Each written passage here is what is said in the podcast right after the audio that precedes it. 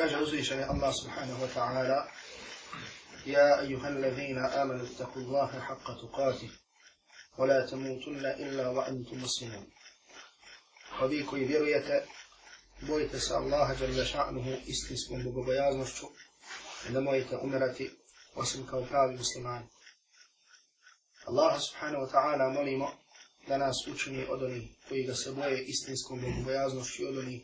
koji će umrijeti samo kao pravi muslimani. Draga braću, uz Allahu Đalmašanuhu pomoć, večeras ćemo nastaviti sa našim tumačenjem i gruženjem sa surom Al-Qiyama, odnosno sa trećim predavanjem u kojem govorimo i tumačimo suru Al-Qiyama. U prošlom predavanju smo govorili, odnosno tumačili ajete iz ove sure, ajete sa početka ove sure, u kojima Allah subhanahu wa ta'ala opisuje i spominje neke od prizora sudnjeg dana.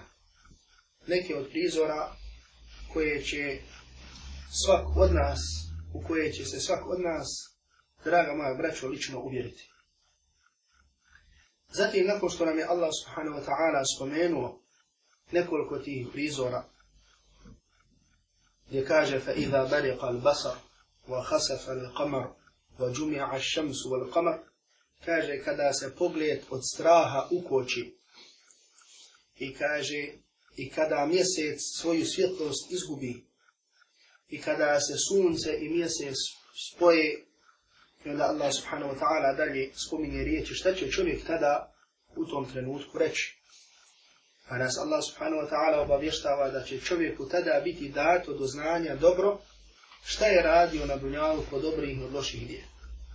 Pa onda poslije toga Allah subhanahu wa ta'ala nam spominje nekoliko naredbi poslaniku sallallahu alaihi wa sallam u kojem naređuje poslaniku Muhammedu sallallahu alaihi wasallam na koji način će primati objavu od Meleka Džibrila. Na koji način i kako će primati objavu od Meleka Džibrila. Znači, rekli smo da Allah subhanahu wa ta'ala nam je govori o sudnjem danu, govori o ahiretu. Pa je onda odjednom došla jedna naredba koja je vezana, zašto? Za primanje objave. Pa zatim Allah subhanahu wa ta'ala poslije nekoliko tih ajeta ponovo da kažemo nastavlja da nam govori o sudnjem danu, odnosno o sudnjem danu i o smrti o prvoj stanici i o prvim trenucima kada će čovjek doći u kontakt i kada će izaći sa ovoga svijeta i stupiti, da tako kažemo, na tlo ahirata. Pa nam Allah subhanahu wa ta'ala kaže, pa nam se Allah subhanahu wa ta'ala obraća, obraća se čovjeku i kaže, kella bel tuhibbuna al-ađila wa tadharuna al-ahira. Kaže Allah, šanu kella, nije to tako nije to tako kao što vi mislite. Nego vi volite al-ađile, vi volite dunjaluk, wa tadharuna al-ahire, a ostavljate i okrećete se od ahireta. Draga braću, Allah subhanahu wa ta'ala u ovom kuranskom ajetu nam kaže da je priroda čovjeka da voli ovaj svijet. Međutim, Allah Đalešanhu dunja, ovaj svijet dunjaluk, u ovom kuranskom ajetu ne naziva dunjalukom, kao što to obično kako da kažemo se kaže za ovaj svijet u Kur'anu gdje Allah Đalešanhu na mnogo mjesta kaže al hayatu dunja. Nego Allah Đalešanhu ovdje ovaj svijet naziva el mađer, Što znači ono što je brzo. Ili da kažemo brzina. Nego vi volite brzinu. Allah Đalešanuhu ovaj svijet dunjalk, u ovom kuranskom ajetu naziva brzinom. Nešto što je brzo. Pa tako al-ađele, odnosno brzina. U arabskom jeziku znači da je to talabu šeji, wa taharrihi qabla awanihi. To je da čovjek traži, da traži nešto, da mu se nešto desi, ili da mu nešto dođe prije njegovog vremena. Tako definiše al-ađile, Al-Ragib al-Asbahani, jedan poznati učenjak u svom dijelu. Pa kaže, wa huwa min muqtada shahwa. A kaže, to je u stvari strast čovjeka. Znači čovjekova strast koju ti Allah Đalešanu dao, sa kojom te Allah Đalešanu iskušao, jeste da požuruješ stvari Da čovjek kao insan požuruje stvari. I zato Allah Đalešanuhu naziva čovjeka i kaže da je čovjek šta? وَهُلِقَ الْإِنسَانُ عَجُولًا A da je čovjek stvoren od brzine. Odnosno da je njegova priroda da je šta? Znači brzina. I zato, draga braćo, znači ta brzina koju Allah Đalešanu ovdje spominje, to je nešto što je negativno. To je nešto nije što je pozitivno. Nego Allah Đalešanu nam skreće pažnju na jednu negativnost koja se nalazi kod nas, da obratimo pažnju kako nas ta negativnost, sa kojom nas je Allah Đalešanu iskušao, kako nas ne bi odvela u nesreću i na ovome i na onome svijetu. I pogledajte što ponovo se vraćamo na to, šta je brzina? Allah Đalešanu ovaj svijet opisiva sa tim i opisuje nas kao svoje stvorenja da imamo to kod sebe. To je da tražimo da se stvari dogode ili da se nešto desi ili da nešto bude prija njegovog vremena. I zato čovjek radi te brzine, draga braću, griješi. I zato čovjek radi te brzine i radi tih brzina griješi i dovodi sebe. Sebi prouzrokuje nesreću i propast i na dunjalu i na hertu prouzrokuje šta sebi? Propast i nesreću i na dunjalu i na hiratu. I zato pogledajte bilo koji grijeh. Razmislite ovako. Bilo koji grijeh koji čovjek počini, koji će ga odvesti u helač i u propast i na dunjalu i na hiratu. Čovjek ga učini zato što o njemu ne razmisli dovoljno. A da čovjek razmisli svojom glavom i da kaže to vodi u to, to vodi u to, produkt toga je to, čovjek ga zasigurno ne bi učinio. Međutim, čovjek odnosno čovjekova strast traži da se to desi veoma brzo. I čovjek ne razmišlja i u tom nerazmišljanju ljudi čine grije Međutim, da razmišljaju i zbog toga se traži, draga braća od vjernika, da mnogo razmišljaju. I zato Allah Đelšanu kada opisiva vjernike šta, kaže šta وَيَتَفَكَّرُونَ فِي خَلْقِ سَمَاوَاتُ I razmišljaju stvaranju nebesa i zemlje. Znači razmišljaju zbog čega Allah Đelšanu u stvorio. رَبَّنَا مَا خَلَقْتَ هَذَا بَاطِلًا Allahu, Oni kada razmišljaju da govore Allah ti nisi ovo uzaludno stvorio. Subhanaka. Neka si ti velik, neka si ti uzviš, velik si ti, uzvišan si. Fakina min azabi naz. Sačuvaj nas od džahannamske vatre. Znači vjernik razmišlja. I zato, draga braćo, ibadet, noćni namaz, zikr posle namaza, uopće spominjanje Allaha dželle šanu, samo tome je cilj da čovjek razmišlja i da ga to razmišljanje odvede u ibadet Allahu subhanahu wa ta'ala, a da se okani od grijeha koje čini od stvari koji su nepokornost prema Allahu subhanahu wa ta'ala. Pa kaže Allah Đelešanu wa tadaruna al-ahir i ostavljate da razmišljate o hiratu. Jer kao što smo govorili, draga braćo, mu'min koji je spoznao Allaha subhanahu wa ta'ala. Mu'min koji je spoznao Allaha subhanahu wa ta'ala, njegov, njegovo tijelo je na dunjalku, a njegova duša je na ahiretu. Da tako kažem, on razmišlja samo o ahiretu. On razmišlja samo o ahiretu i on se sprema samo za taj trenutak o kojem će nam Allah subhanahu wa ta'ala upravo ovdje u ovoj suri govoriti. O prvim ti trenucima razmišlja o tom trenutku kada će njegova noga zakoračiti na tlo ahiret. Pa Allah jalla šanu nakon što nam je to rekao kaže Vujuhu jevme idin nadira ila rabbiha nadira. Allah jalla šanu posle toga spominje dvije vrste ljudi. Dvije vrste ljudi na ahiretu. Dvije kategorije ljudi. Znači isto kao što su ljudi na ovom dunjalku bili dvije kategorije, dvije vrste, tako čisto i na ahiretu bi dvije vrste. Kao što su na dunjalku bili koji su obožavali Allaha džalmašanu, koji su predali Allahu subhanahu wa ta'ala, i oni koji se nisu predali Allahu subhanahu wa ta'ala, tako će isto na ahiretu biti. I zato, draga braća, Allah subhanahu wa ta'ala nam često u Kur'anu navodi, ili da kažemo, poredi i spominje dvije skupine, čisto da bi mi o tome razmišljali. فكان الله سبحانه وتعالى لا يستوي أصحاب النار وأصحاب الجنة أصحاب الجنة هم الفائزون نيسو إستي stanovnici dženneta i stanovnici džahennema. Pogledajte ovo kuransku rad. Allah Đeršanu kaže šta? La jestavi ashabu nani ashabu Nisu isti stanovnici dženneta i stanovnici džahennema. Ashabu dženneti humul faizun. Stanovnici dženneta će ono što žele, šta? postići. Pa Allah subhanahu wa ta'ala također ponedi one koji znaju i one koji ne znaju pa kaže Kul hal jestavi ladina ja'lamuna wal ladina la ja'lamu. Reci jesu listi oni koji znaju i oni koji ne znaju. Reci Muhammed, jesu listi oni koji znaju i oni koji ne znaju. Sada nam Allah subhanahu wa ta'ala slično tome spominje u ovoj kuranskoj u ovoj kuranskoj suri. Pa kaže Allah subhanahu wa ta'ala Uđuhu jevme ili nadira ila rabbiha nadira. Neka lica će tog dana radosna biti. Neka lica će tog dana biti nadira. Nadira znači lica koja su nurli.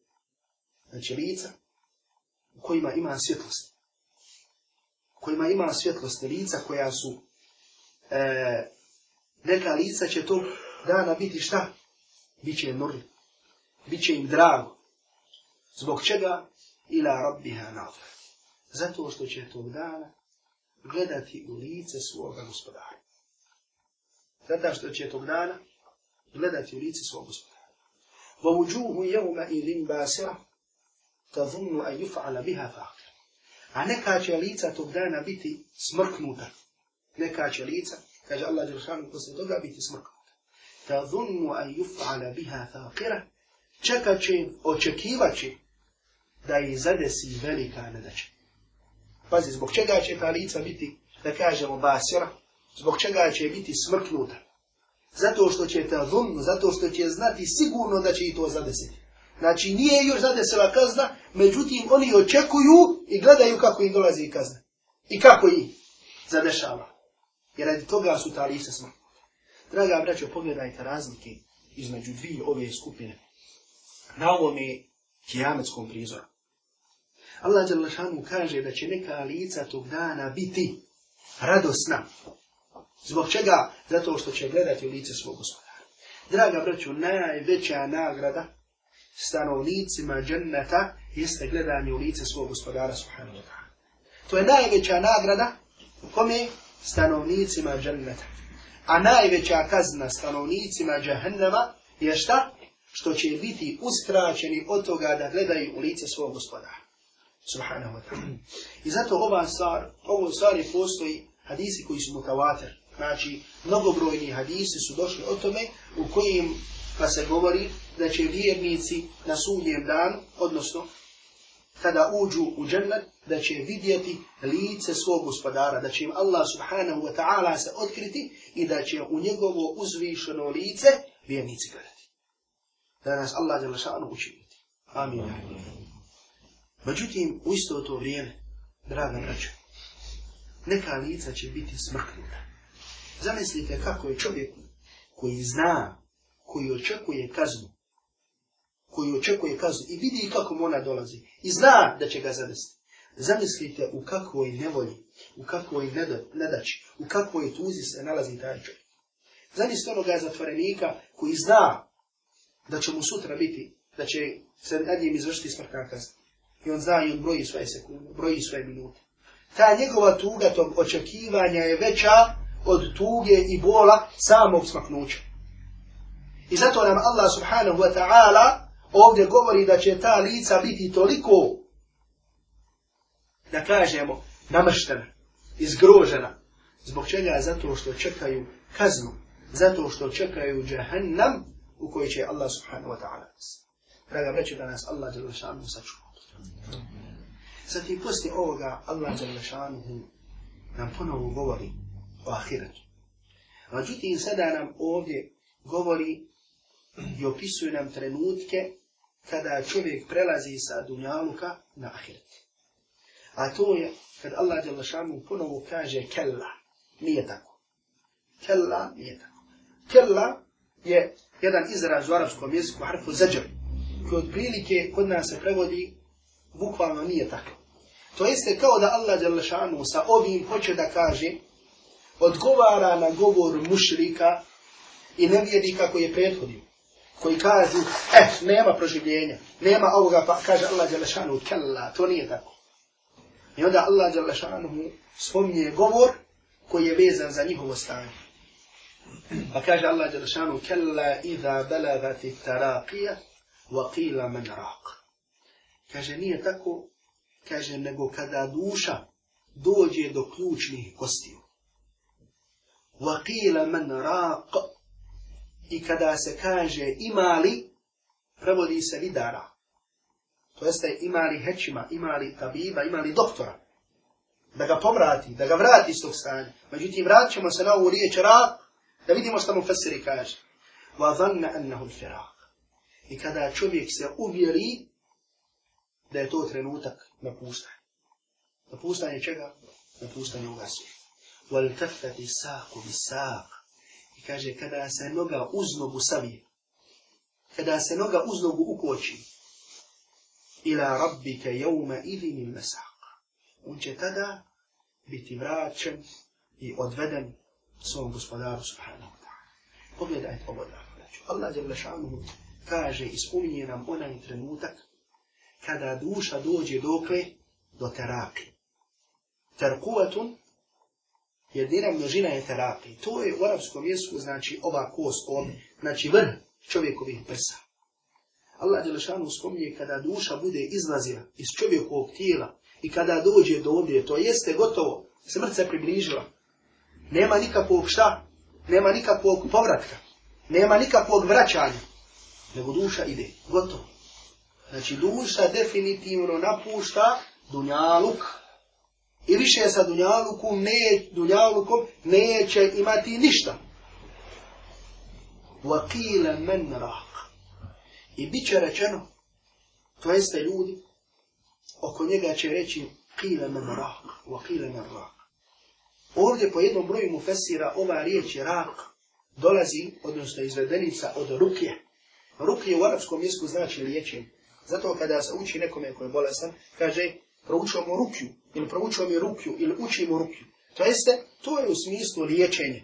Znači, to je u znači, značenju liječenja.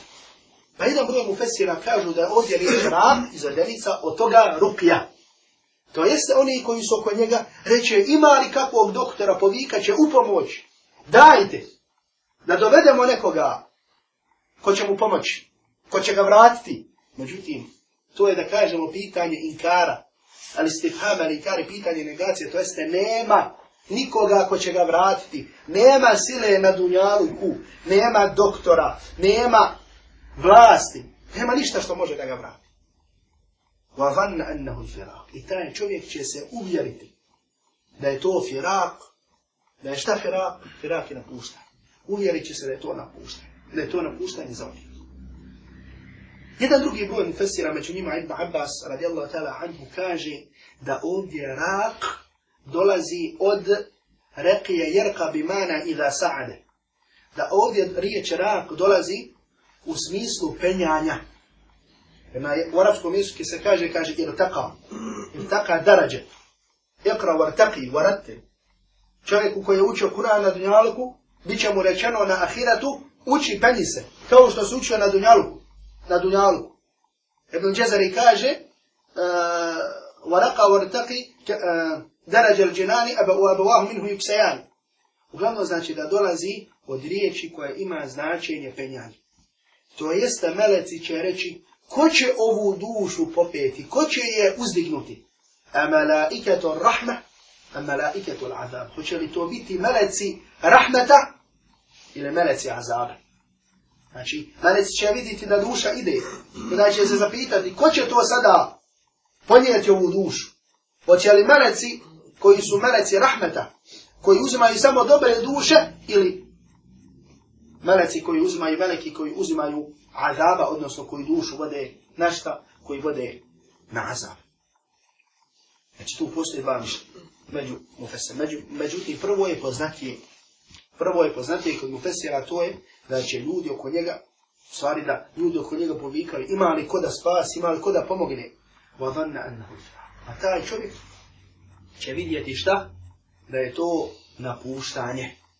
Znači uvjerit će se, sigurno će znati da je gotovo, da ide, da nema povrat. Wal tafati saku bi sak. I noga će se uz nogu saviti.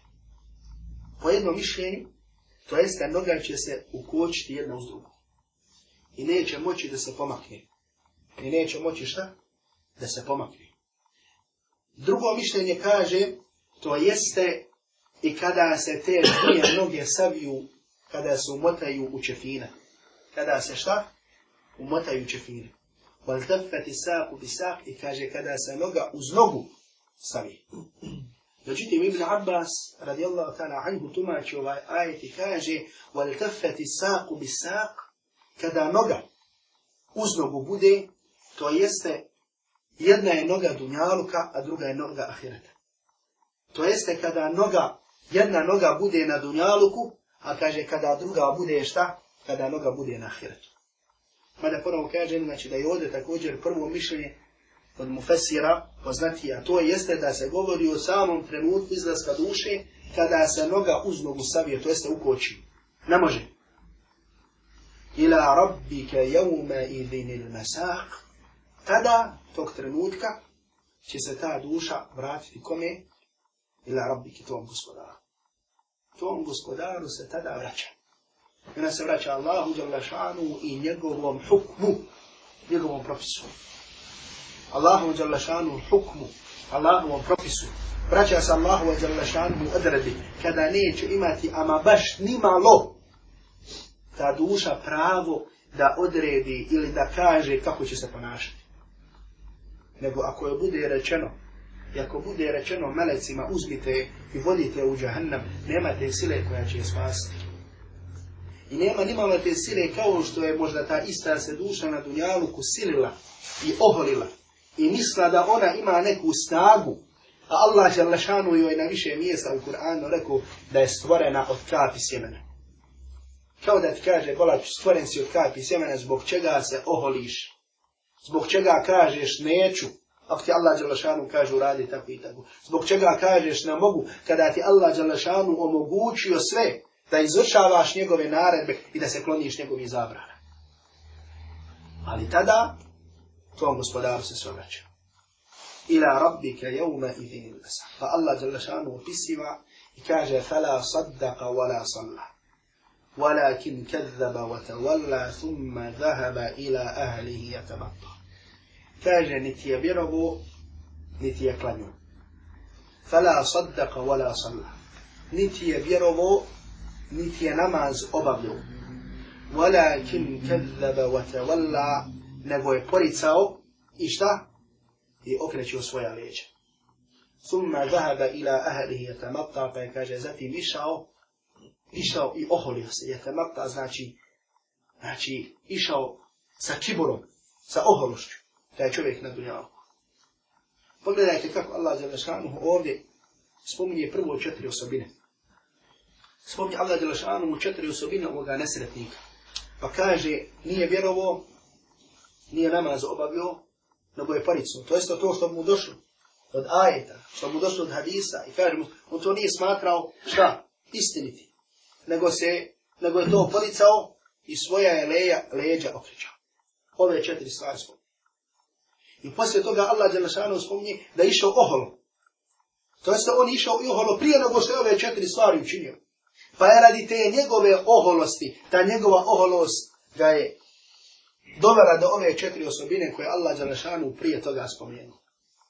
Znači da nije obavio namaz, nije vjerovo, lago, uh, poricao je, okrećio svoje leđe, sve radi čega? Sve je to učinio radi oholosti. To jeste to njegovo go, gordo hodanje ga je navjelo da sve to učini. Međutim, radi te četiri njegove osobine koje je činio, Allah jalla mu dole kaže šta u ajetu posle ovoga. Aula leke fa aula, thumma aula leke fa aula. Teško tebi i teško tebi. I još jednom teško tebi, pa teško tebi. Pogledajte, Allah jalla šanuhu tom čovjeku četiri puta kaže, tom nesretniku kaže teško tebi. Teško tebi, pa teško tebi. Još jednom teško tebi, pa teško tebi. Kaže imam Kurtubi, rahmetullahi alaihi u svom tefsiru, ovo, ovo je teško tebi. Svaka jedna, jedna od njih je za jednu njegovu osobinu koju je Allah Đelešanuhu prije toga spomenuo. Nisi vjerovo, teško tebi. Nisi obavljio namaz, teško tebi. Nego si poricao, teško tebi. Okrećao leđa, teško tebi. Draga braću, za svaku stvar, za svaki haram koji čovjek učini, teško njemu. Za svaku stvar koju ti Allah Đelešanuhu zabranio, koju je učiniš, ili ostaviš ono što je Allah Đalešanu naredio, teško tebi. I zato to je pamet, to je inteligencija, to je mudrost vjeri kada, vjernika da to zna na dunjalu. Da za svaku stvar koju ostavi, za svaki njegov propis, propust koji je učinio, da ga zato čeka azab, da ga čeka kazna na onom svijetu. I zato treba da se bori sa sobom, da se bori za ostavljanje harama, za izučavanje naredbi, da druge poziva da budu Allahu i Đalešanuhu robovi, jer teško onome ko ne bude pokoran Allahu subhanahu wa ta'ala na ovom dunjaluku. Teško onome koji svakom dijelu i dijeliću svog života ne bude pokoran Allahu Đalešanuhu jednom jedinom, koji je stvorio nebesa, koji je stvorio zemlju, koji je stvorio sve oko nas, koji je stvorio nas. Teško onome koji ne bude pokoran Allahu subhanahu wa ta'ala. A jahsabu, pa Allah Đalešanu kaže posle toga, a jahsabu l'insanu a jutraki suda. Kaže Allah Đalešanu, zar čovjek misli da će biti ostavljen suda? Zar čovjek misli da će biti ostavljen ono tek tako? Zar čovjek misli da će biti ostavljen tek tako na dunjavu? To jeste da mu neće biti naređen, da mu neće biti zabranjen. Zar misli da će biti bez ikakvih naredbi i zabrana na ovom dunjalku, da ga Allah Đalešanu bez cilja ikakvog stvorio i da mu je dao da bude na dunjalku bez cilja. Šeheh Džemalu Din al-Qasim, rahmatullahi alaihi, u svom tefsiru Mahasinu ta'lil, ima jedno zaista lijepo zapažanje. A to je kada kaže da Allah Đalešanu stvorio čovjeka. Da Allah Đalešanu stvorio čovjeka u najljepšem obliku. Međutim, da ga je ostavio da luta, da ga ostavio šta? Da ga ostavio nekom hajranu, nekoj dalaletu, u nekoj zabuni. Onda, ne bi bilo da Allah Đalešanuhu stvorio čovjeka u najljepšem obliku i smislu, da je upotpunio svoje blagodati. Jer ako Allah Đelešanu nas je stvorio lijepo, međutim dao nas na dunjalku da budemo, da ne znamo zbog čega smo stvoreni, onda bi svaki čovjek osjećao strah Od toga što dolazi i poslije. I mi zato znamo da ljudi koji ne obožavaju Allaha subhanahu wa ta'ala, da su oni u velikom strahu. Jer zato i ljudi koji ne vjeruju Allaha Đelešanu lašanu jednog jedinom, kaže osnova svega je materija. Oni strahuju od toga šta je poslije te smrti. Zbog čega? Oni strahuju zato što ne znaju smisa o svom života. Zato što žive na dunjaluku bez ikakvog smisla. E zar je moguće da nas Allah Đelešanu ostavi bez tog smisla? Da nas je Allah Đelešanu ostavi bez tog smisla na ovom dunjaluku, onda Allah Đelešanu ne bi upotpunio svoju blagodat prema nama. Međutim, uzvišeni Allah subhanahu wa ta'ala je upotpunio svoju blagodat prema nama, pa kada nas je stvorio u najljepšem obliku, stvorio nas u najljepšem obliku, dao nam je da, ži, da živimo na zemlji. Pa nam je još da, وَسَحْرَ لَكُمْ مَا فِي السَّمَاوَاتِ وَمَا فِي الْأَرْضِ جَمِيعًا مِنْ I dao vam je da se služite samo što je na nebesima i što je na zemlji. I onda ti je poslije toga poslao poslanike koji će ti kazivati ono što ti naređuje, odnosno što ti zabranjuje tvoj gospodar subhanahu wa ta'ala. Kazivat će ti zbog čega si stvoren, zbog čega ovo, zbog čega ovo. I zato, draga braća, za, braću, za čovjek misli da jutrak je suda, da će biti ostavljen tek tako, da mu bi bez smisla, da mu neće biti naređeno, da mu neće biti zabranjeno, kaže Allah Đalešanu, alam jeku nutfatan min manijin jumna. Kaže Allah subhanahu wa ta'ala, alam jeku nutfatan min manijin jumna. Zar taj čovjek nije bio kap sjemena? Zar taj isti čovjek nije bio kap sjemena? Thumma kana alaqatan fasawa. Pa je zatim bio šta? Alaqa. Zatim je bio ugrušak, zapačak. Fasawa. Pa ga Allah Đalešanu lijep upotpunio ga je. فخلق منه الزوجين الذكر والأنثى فالله جل شانه istog čovjeka, od te iste krapi semeni stvorio par, stvorio muško i žensko, a lej se dalike bi kadirin ala a juhije al mauta, pa zar Allah jalla šanuhu nije kadar ponovo da mrtve oživi. Zar Allah jalla šanuhu nije ponovo, zar Allah jalla šanuhu nije kadar da ponovo mrtve oživi. Pogledajte, draga braćo, kako Allah jalla šanuhu završava ovu kuransku suru. A to je da insana, da čovjeka, koje će zadesiti taj sudni dan, o kojem nam Allah subhanahu wa ta'ala govori. Međutim, Allah žele šanuhu nam je ovdje, kaže nam, spomenuo samo nekoliko prizora sudnjeg dana i spomenuo nam je nekoliko prizora, da kažemo, te smrti kada duša ide. A u drugim surama, u nekima više, u nekima manje, Allah subhanahu wa ta'ala nam govori također o tom sudnjem. Poslanik sallallahu alaihi wa sallam nam je također pojasnio svojim hadisima. Islamski učenjaci su pisali zasebna djela o sudnjem danu, odnosno ahiretu. Šta se dešava? Znači, svaku tančinu, svaku pojedinost, svaku preciznost, šta deša, zadešava čovjeka kada napusti dunjaluk, pa sve dok ne uđe u džennet, ili dok ne uđe u džahnem. Pa tako Allah je sanu, to smo spominjali prošli put na predavanju. U suri Ida šemsu kubirat, wa ida nuđumun kadarat. Spominje mnogo više, da kažemo, spominje više prizora sudnjeg dana, nego što je spomenuo u ovoj suri, koju smo sada tumačili. Pa zato kaže poslanik sallallahu alaihi wa sallam, u hadisu koji je zabilježi imam termizi, ko želi da gleda sudnji dan, ko želi da gleda u sudnji dan kao da ga uživo gleda, neka uči suru i da šemsu kule. Neka uči suru i da šemsu kule. Dok, međutim, Allah Đalašanu, pogledajte, na kraju ove sure i ovu suru završava s tim što nam govori šta je cilj čovjekovog života na dunjalu. Kao da želi da nam kaže da je ova sura započeta u sudnjem danu i o zakletvu sudnjim danom i dušom koja se kori i završava se sa tim zbog čega ćemo doći na taj sudnji dan. Zbog čega treba čovjek da kori svoj nefs? Zbog čega čovjek treba da kori svoju dušu? Sve samo iz jednog razloga, zato što je Allah Đalešanu te stvorio samo da bi ga obožao. Draga braćo, Allah Đalešanu nas je stvorio samo radi jedne stvari, to je da ga obožava. I kaže nam Allah subhanahu wa ta'ala وَمَا خَلَقْتُ الْجِنَّ وَالْإِنسَ إِلَّا لِعَبُدُ Ja nisam stvorio ljude i džine osim da me obožavaju. Nisam stvorio ljude i džine osim da me obožavaju. I od Allahove djelašanuhu blagodati, od potpunog ni'meta Allaha subhanahu wa ta'ala prema nama, jeste da nam je poslao poslanike. Da nas nije ostavio zabud, da lutamo. Zatim kažemo, hvala Allahu djelašanuhu nas muslimane uputio na pravi put dok je veliki broj još uvijek onih koji lutaju, koji ne znaju šta je pravi put, koji traže pravi put tamo u nekakvim glupostima, u nekakvim budalaštinama.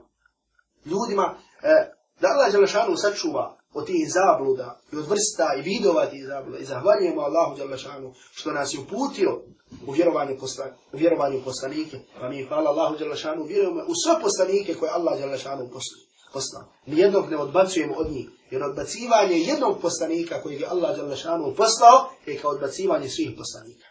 Odbacivanje jednog poslanika kojeg je Allah Đalešanu poslao i nevjerovanje u njega jeste kao odbacivanje svih poslanika.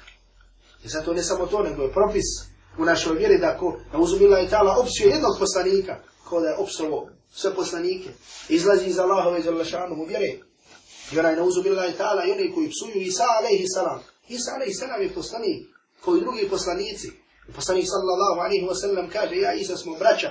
I ovako je pokazao, jer kaže, između nas dvojice nema poslanika, ili između nas dvojice nema poslanika. I pogledajte blagodati, blagodati naše vjere.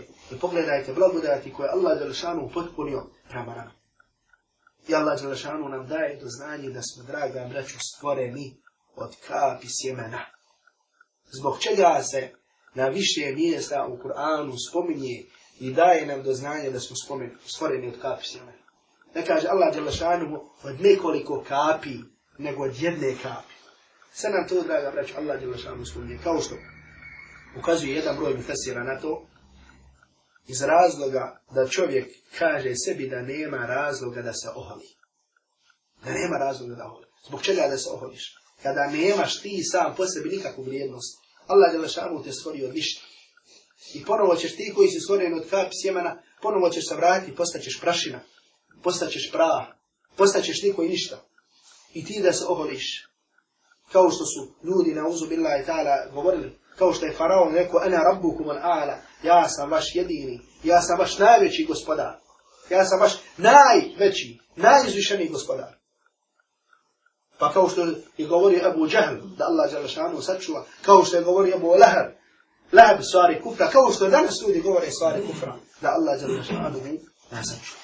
I zato kažem, Allah Đalešanu ovu suru nam završava sa podsjećanjem na to zbog čega smo stvoreni.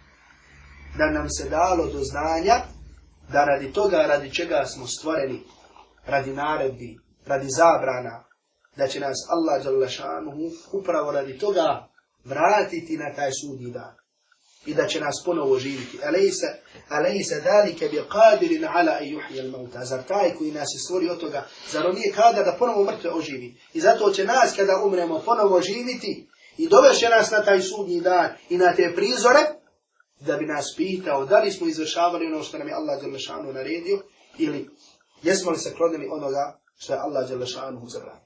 Molim Allah subhanahu wa ta'ala da nas ukoristi od onoga što smo čuli i što smo naučili od komentara ove sure. I da Allah Đelešanu da da se družimo sa tumačenjem Allahove Đelešanu nije. Da Allah Đelešanu učini naše živote da su ispunjeni druženjem sa Allahom Đalešanu knjigom, bilo učeći Allahu Đalešanu knjigu, bilo čitajući komentar, bilo slušajući komentar tako da.